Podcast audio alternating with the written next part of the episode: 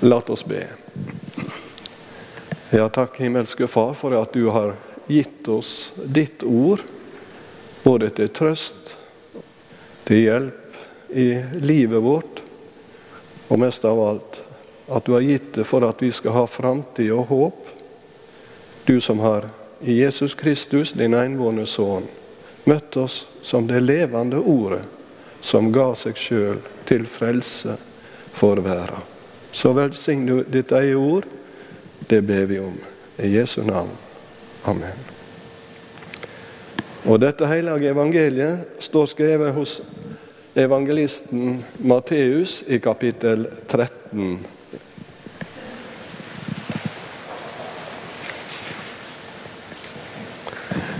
Så satte han fram for dem ei anna likning og sa:" Himmelriket kan liknes med en mann som hadde sådd godt korn i åkeren sin. Men medan folket sov, kom fienden hans og sådde ugras i kveiten og gikk sin vei. Da kornet vokste opp og skjøt aks, kom ugraset òg til syne. Tjenerne gikk til jordeieren og sa, Herre, sådde du ikke godt korn i åkeren din? Hvor kjem da ugraset fra? Det har en fiende gjort, svarer han. Vil du vi skal gå og rive det opp? spurte de. Nei, svarer han, for når de river opp ugraset, kunne de samstundes komme til å rive opp kveiten. La de begge vekse side om side til høsten. Og når tida for innhausting kjem, vil jeg si at det er de som hauster inn. Først, sammen, først sank først sammen ugraset og bundt det i hop til å brennast, men kveiten skal det samle i låven min. Slik lyder det heilage evangeliet.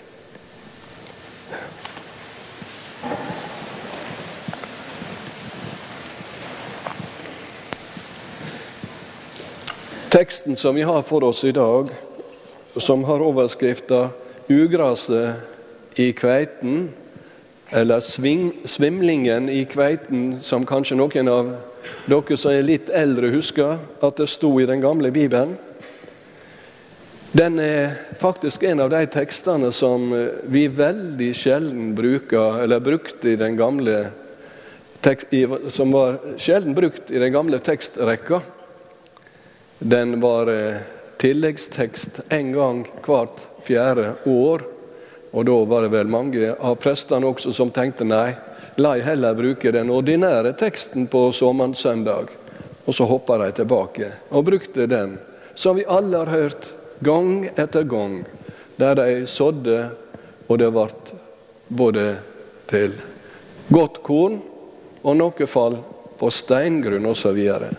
Men i dag så møter vi en ny tekst som vi sjelden da har preika over. Og Jeg kan ikke huske at jeg har preika over denne teksten sjøl noen gang.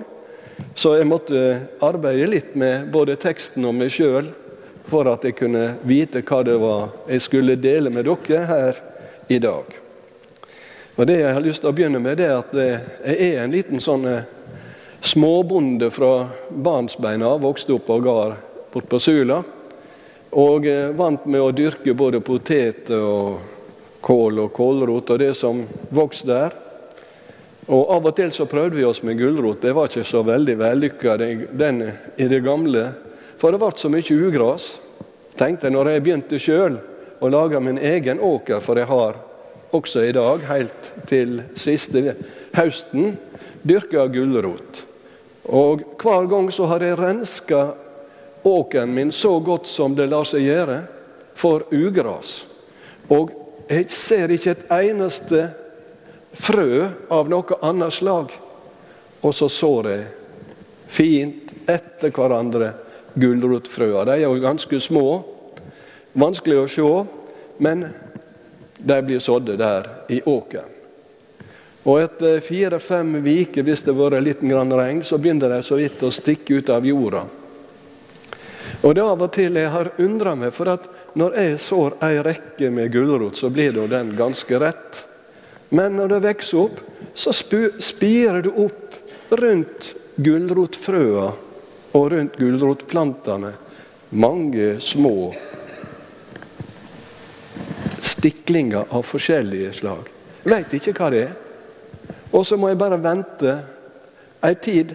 Hvis jeg venter litt, så finner jeg nå fort ut at det kanskje det var vassarv eller ygras eller annet ugras som vil ødelegge hele åkeren.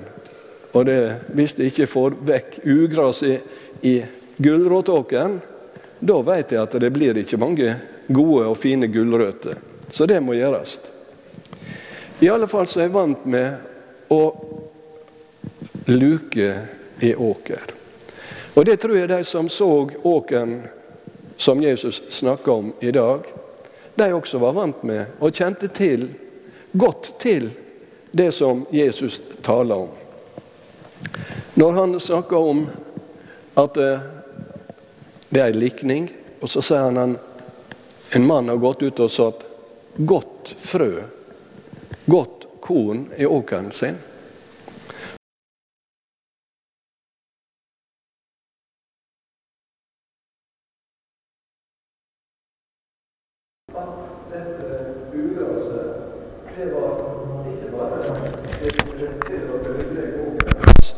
Men det var av en slik karakter at hvis du tok i det eller åt på det, så ble du uvel av det. Du kunne bli syk av ugraset. Det var en giftig plante.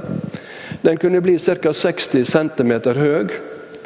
Og når den vokste opp, så var den i begynnelsen veldig lik på, eh, på kveitekornet, kveiteplanten. Men når den kom opp litt i høgde, og du så forskjellen, så kunne ikke du luke den vekk. For hvis du prøvde å luke den vekk, så ville du dra med deg røttene til kveiteplanten. For den hadde et veldig kraftig rotnett, og så ville den vokse inn i kveiteplantene. Så når du skulle prøve å luke ut ugraset, så ville du også luke ut kveiten. Jesus kjente til dette fra sitt liv og fra det livet som var i Israel på den tid. Så det var noe som læresveinene hadde også hørt og sett i sitt liv. Og så bruker Jesus dette på overført vis.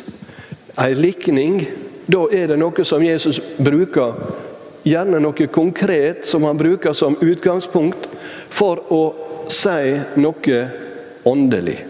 Det er noe som han vil at vi skal lære av, enten til tru, til liv, eller på annen måte kan være til nytte og hjelp for oss på vandringa gjennom livet, og så vi kan bli bevart og få tak i og nå fram til det evige livet.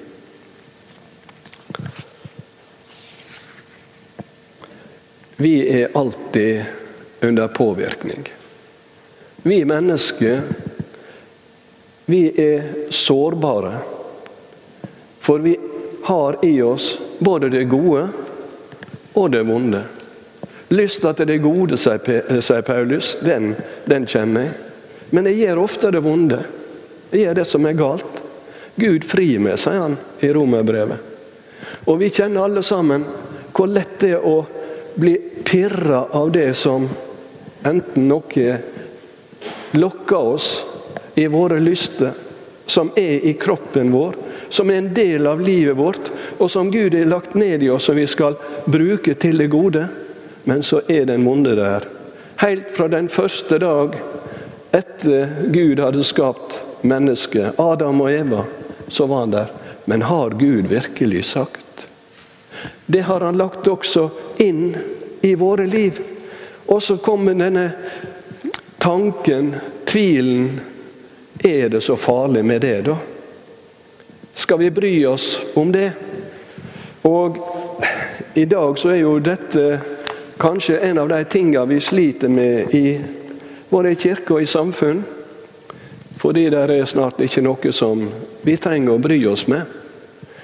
Vi skal ha flertallsmeninger til folk som hovedregel for å velge det som er rett og galt. Og der er og blir mindre og mindre denne hva sier Guds ord-tanken.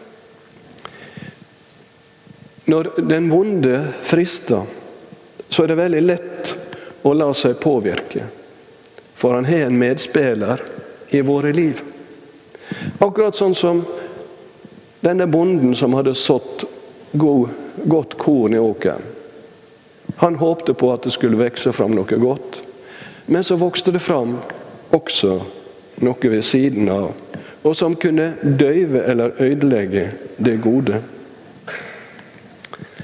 Det blir sagt at det er bare sumpen eller myra som gjør seg sjøl.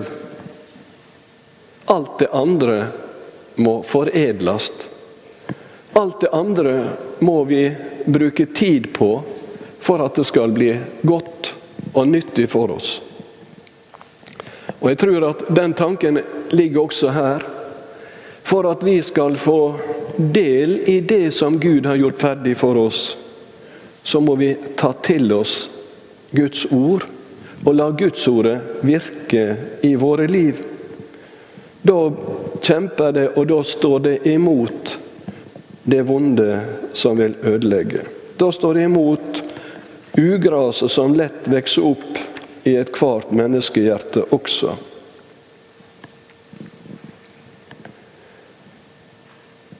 I kirke, bedehus, i forsamling, i misjon, så skulle en vel tro at det var bare godt korn. Gode planter, snille og gode mennesker som sa bare gode ting og gjorde det som var sant og rett og godt mot hverandre.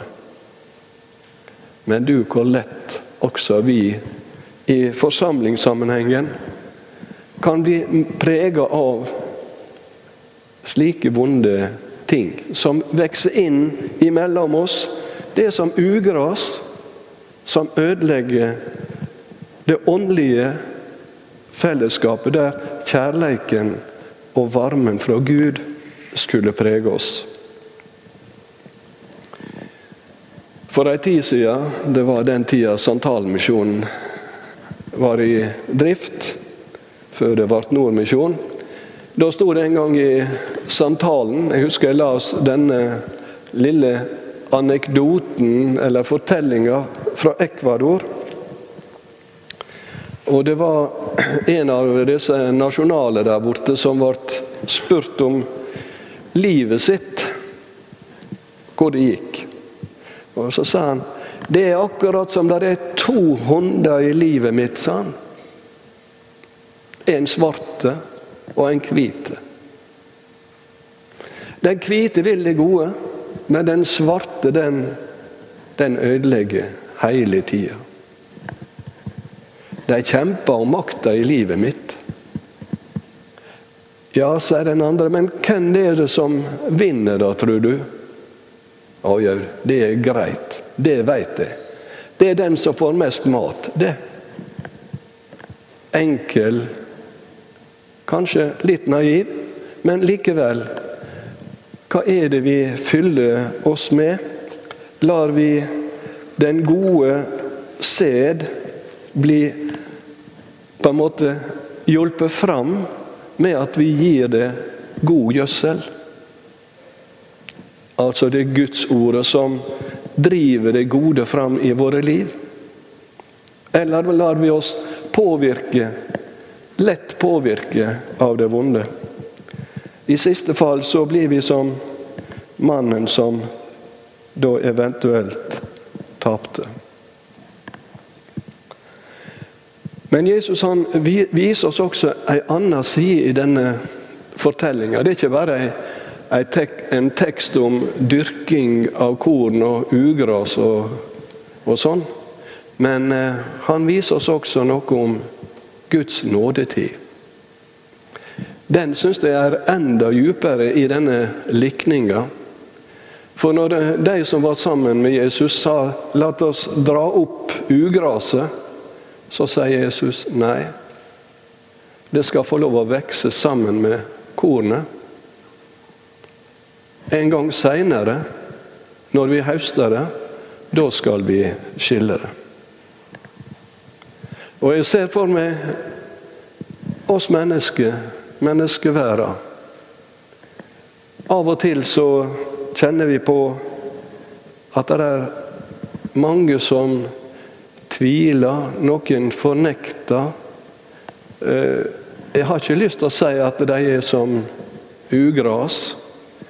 Men kanskje de er en kornslag som ikke bærer frukt. Ting har skjedd i livet slik at det var ikke så lett å svare. Det var ikke så lett å si ja til Guds kall. Og så ble de gående der med sin tvil. Noen kom så langt, og det har jeg jo møtt mange ganger. Mennesker som har fornekta både Guds ord og ikke vil ha noe med Jesus Kristus å gjøre. Men jeg tror Jesus, når han sier her de skal få lov å vokse i lag Når mennesker får lov å leve videre, så får de enda en anledning. Nådetida blir det ofte sagt, den varer livet ut så sant vi ikke fornekter Guds navn og sier nei til kallet. Så lenge vi ikke har tatt stilling, kanskje leve med ja, kanskje er det noe mer, som jeg ofte hører i samtale med mennesker. Bak død og grav. De har mi barnetru. Ja, Gud velsigne barnetrua di, sier jeg. Mange lever der på tvil, tru. Men jeg tror at Jesus, når han sier dette som han sier til de som var der sammen med han, så sier han det for at de skal få anledning. Menneskeslekta skal få anledning til å ta imot. Om det så må ventes ei tid.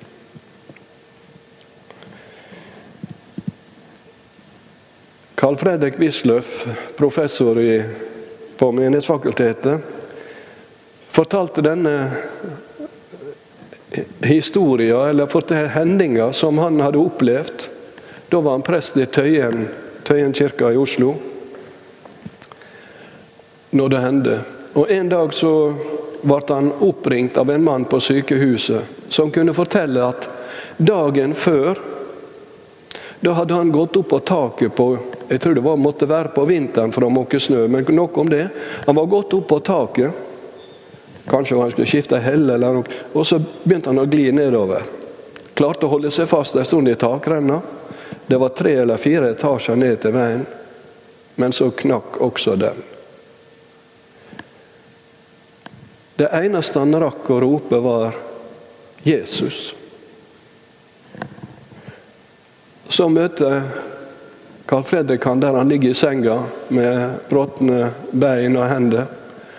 Han ligger der og priser Gud. Og så sier han i dag når jeg våkna opp, så visste jeg at jeg var blitt et Guds barn.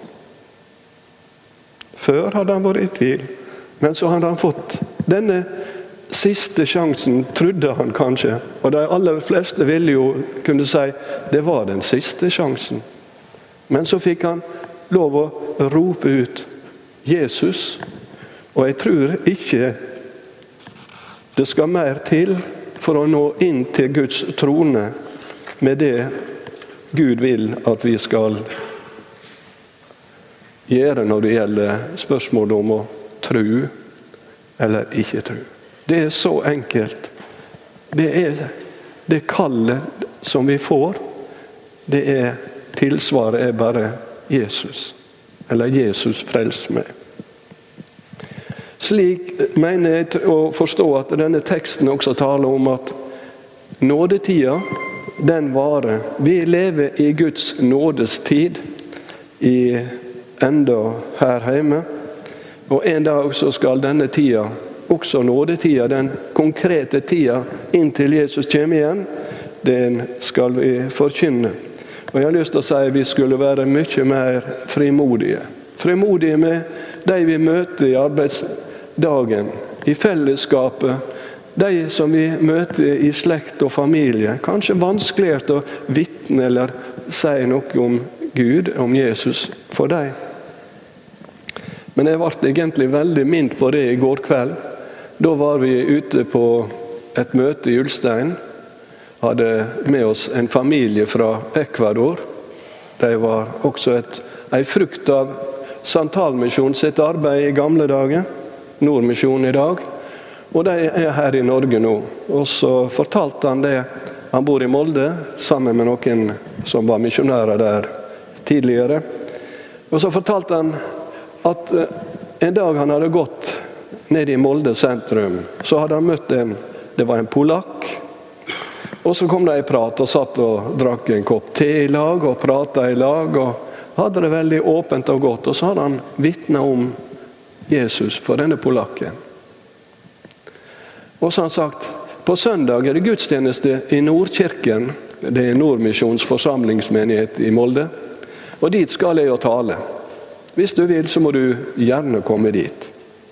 Den som møtte opp i kirka søndagen, det var denne polakken. Og så sier han du er den første på 14 år her i Norge som har invitert meg til ei gudstjeneste. Det koster oss ikke så veldig mye. Jeg tror ikke det. Veldig ofte så møter vi disse her nye innvandrerne. De som arbeider mellom oss, bor mellom oss. Det skulle ikke koste oss all verden å si på søndag er det gudstjeneste. Du er velkommen til å følge med eller komme dit. Du kan gå sammen med meg. Jeg kan hente deg, kjøre deg, og så er vi der i lag. Jeg tror så enkelt skulle vi gjøre vårt kall, både til norske og andre. Velsigne, velsigne de som vi møter, og be dem inn under og inn i Guds velsignende nåde. Og Da vil jeg helt til slutt bare ta med det som Jesus sier når han måtte forklare denne lignelsen til sine medarbeidere. For det står litt lenger ute i samme kapitlet, og der står det slik Forklar oss likninga om ugraset i åkeren. Og han svarer Den som så det gode kornet, er menneskesonen. Åkeren er verda. Den gode kornet er de som er barn av riket. Ugraset er barna til de vonde. Fienden som sådde ugraset, han er djevelen, og innhaustinga, det er enden på verda. De som høster inn, er englene. Og slik som ugraset blir sanka sammen og brent på elden, slik skal det gå når enden på verda kjem. For menneskesonen skal sende ut englene sine, og de skal sanke sammen og ta ut av riket hans alt som fører til fall, og alle som gjør urett, og kaste det i eldovnen, der de græt og skjer tenner. Da skal de rettferdige skine som sola i sin fars rike. Den som har øre, hør. Hellige Far, helge oss i sanninga. Ordet ditt er sanning. Amen.